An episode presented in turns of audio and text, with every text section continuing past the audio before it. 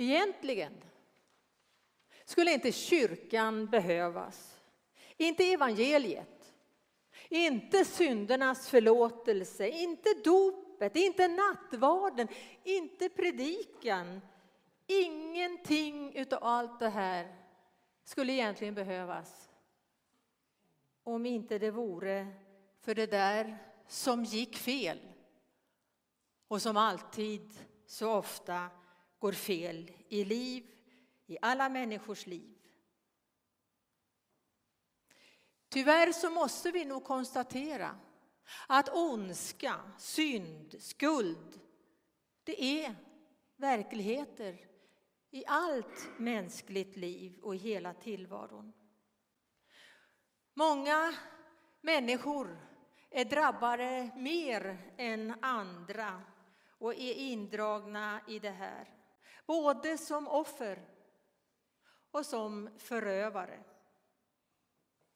Vi följer den tunga rapporteringen ifrån Gaza, Västbanken, Israel, Ukraina och vi ber om Guds förbarmande över situationer som verkar så oförsonliga.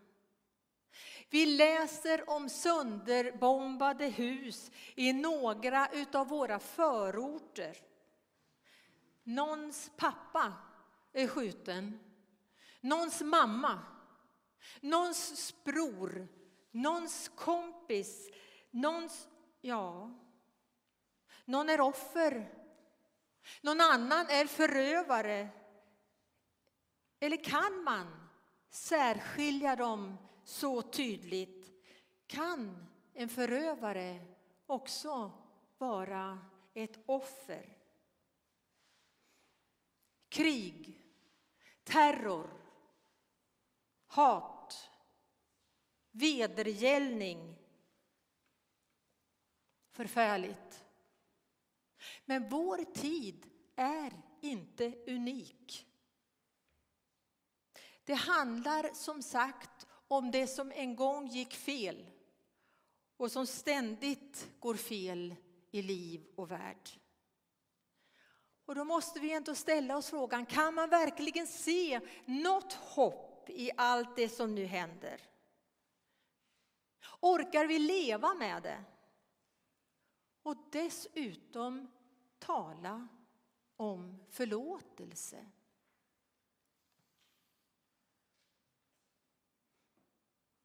Att vi på något sätt skulle vara indragna trots att vi har blivit besparade från så mycket.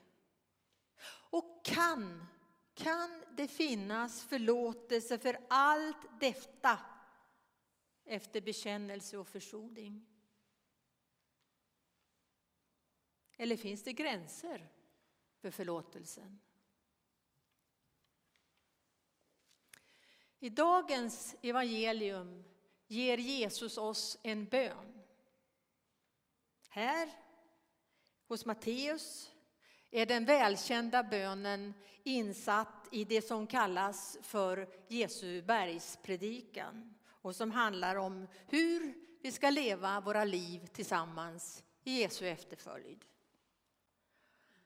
Och som vanligt, får jag väl ändå säga, så visar Jesus hur relationen till Gud blir mest tydlig i vår relation till varandra, till våra medmänniskor. När Lukas berättar om det här så är det ett litet annat sammanhang. Där är det Jesu lärjungar som uttryckligen ber honom Herre, lär oss att be. Och jag tänker att kanske, kanske är det efter att ha sett hur Jesus ibland har gått åt sidan för att prata med sin far, sin Gud. Och de har sett och de har anat att det är något särskilt som händer i de där bönesamtalen. Kanske en sorts förtrolighet ett samtal sprunget ur vetskapen att den som är föremål för bönen redan vet allt. Vet det som det inte finns ord för. Vet hur behovet ser ut. Herrens bön, Fader vår, vår Fader, kom att bli det mest centrala kristna bönen i kyrkan genom historien. Bönen som har översatts till över 400 språk och som lever vidare genom vår historia. Vi har ju lyssnat till den som helhet och nu ska vi lyssna till en av delbönerna i den. Förlåt oss våra skulder, liksom vi har förlåtit dem som står i skuld till oss.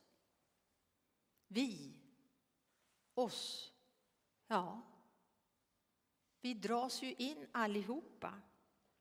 Ingen ställs utanför behovet utav förlåtelse. Inte heller uppmaningen om att förlåta.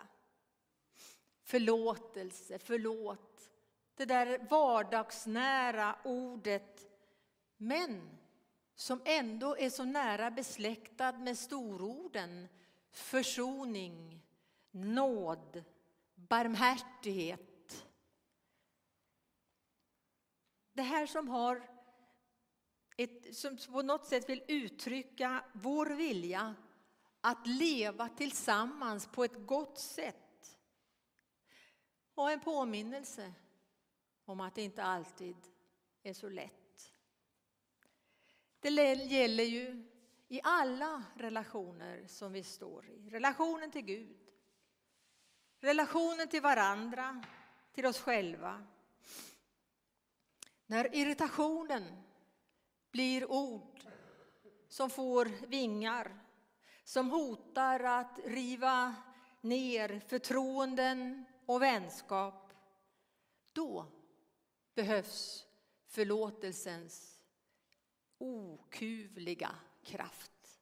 För det finns faktiskt en särskild kraft i förlåtelsen. När Jesus gav människor syndernas förlåtelse så uppfattades det, uppfattades det nästan som, ett, ja, som en hädelse av de judiska ledarna. Men Jesus förlåter utan att fråga vare sig vad som är opassande eller stötande. Jesus förlåter som bara Gud kan.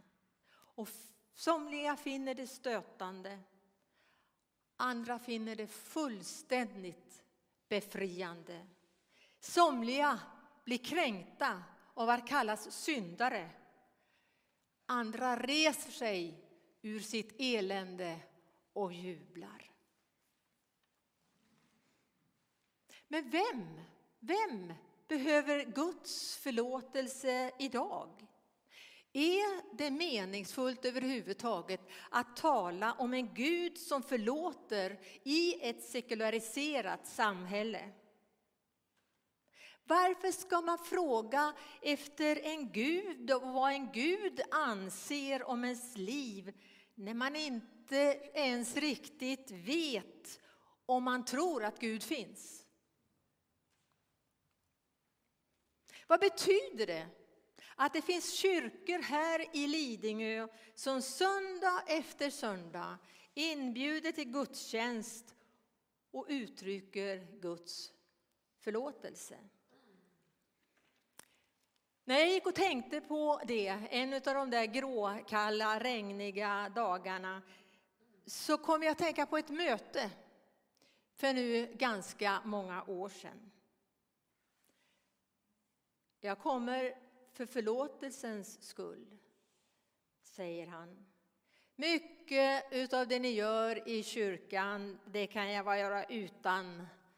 Men det är förlåtelsen jag behöver. Jag känner mig lite omtumlad. Vi har hejat på varandra några gånger efter gudstjänsten och vi känner inte varandra särskilt väl. Och så möts vi som hastigast på en gata vid lunchtid. Jag kommer för förlåtelsens skull. Är han unik, min vän med förlåtelsebehovet? Nej, jag tror faktiskt inte det.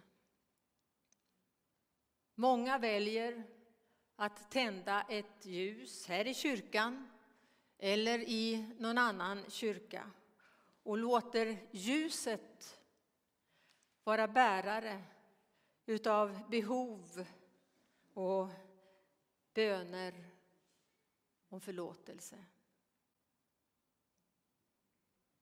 Syndernas förlåtelse är för oss alla och inte minst för den som inte orkar att bära på tyngden längre.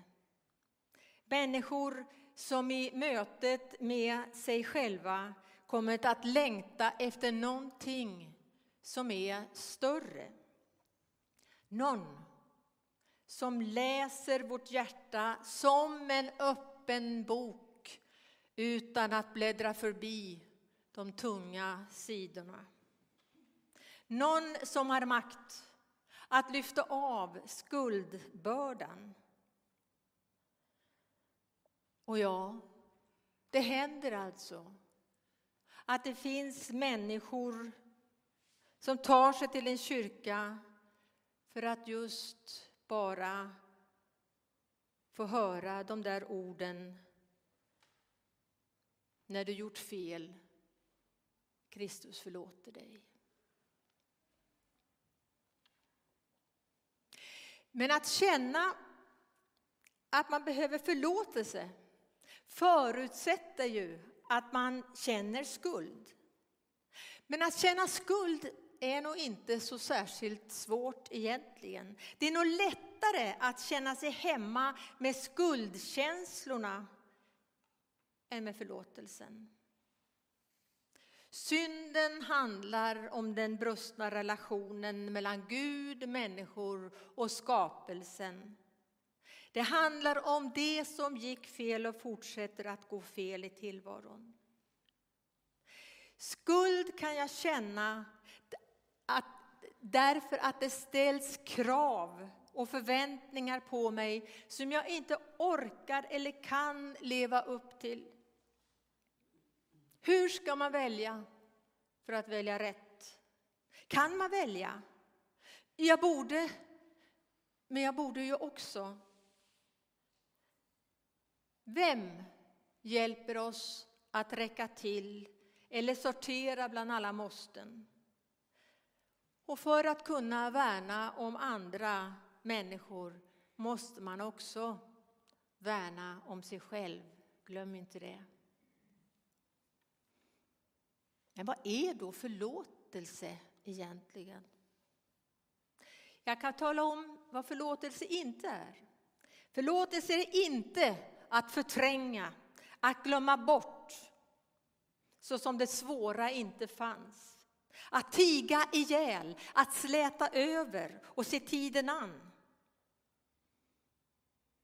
Förlåtelse är inte heller bara ett litet ord att snabbt slänga ur sig. Förlåtelse är att se, att verkligen se det som är och mötas i det. Se det som gått sönder. Se varandra och sig själv. Att se och känna både sin brist och sin förmåga. Och förlåtelse, det är en process som har till mål att göra trasigt till helt, att återställa. Men ska vi då kunna förlåta allt? Jag tror på försoning. Men vad mäktar en människa med? Jag vill ge dig en bild. Jesus på korset. Ja, han förlät ju bödlarna, de som gjort honom illa, då ska väl också vi. Eller? Läser man noga hos Lukas evangelium så upptäcker man att Jesus på korset faktiskt inte ger bödlarna sin förlåtelse. Han ber Fader, förlåt dem. Fader, förlåt dem. Och kanske kan du tycka att det här är hårklyveri eftersom Jesus är Guds son, både Gud och människa. Men det finns en viktig skillnad. Det här med att få vara i sin mänsklighet och överlämna resten åt Gud. Jesus överger inte det mänskliga i det svåraste svåra. Han förblir i det han är som människa och som människa mäktar med. Och att be för bödlarna är stort nog.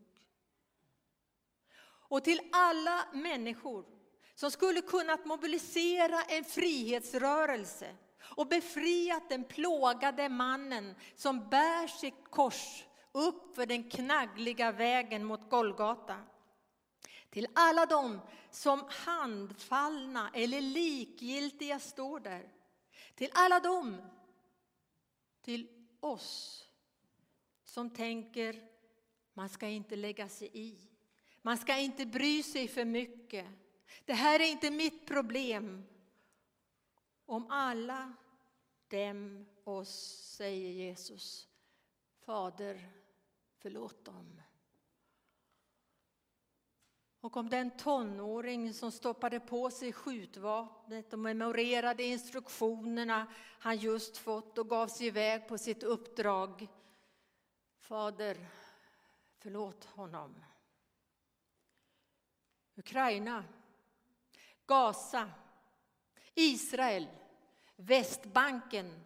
Herre, förbarma dig. Herre, förlåt. Att tro på försoning och förbli i det jag som människa mäktar med just nu och be Fader, förlåt dem. Varje gång vi dukar det här bordet, nattvardsbordet, när vi lyfter vinbägaren och när vi bryter brödet och när jag uttalar orden för dig utgiven, så är det till dig. Med hela ditt sammansatta liv, med det goda du är och gör, men också med det som blir fel. För dig utgiven. Guds förlåtelse finns och den är gränslös. Någon har sagt att Gud har ett försprång, försprång i varje människas liv. Det betyder att förlåtelsen också ligger lite framför oss som ett löfte, som ett hopp. Blott du har rätten till mitt liv. Så tag mitt kluna jag och gör mig hel och gör mig sann av kärlek fylld var dag. Amen.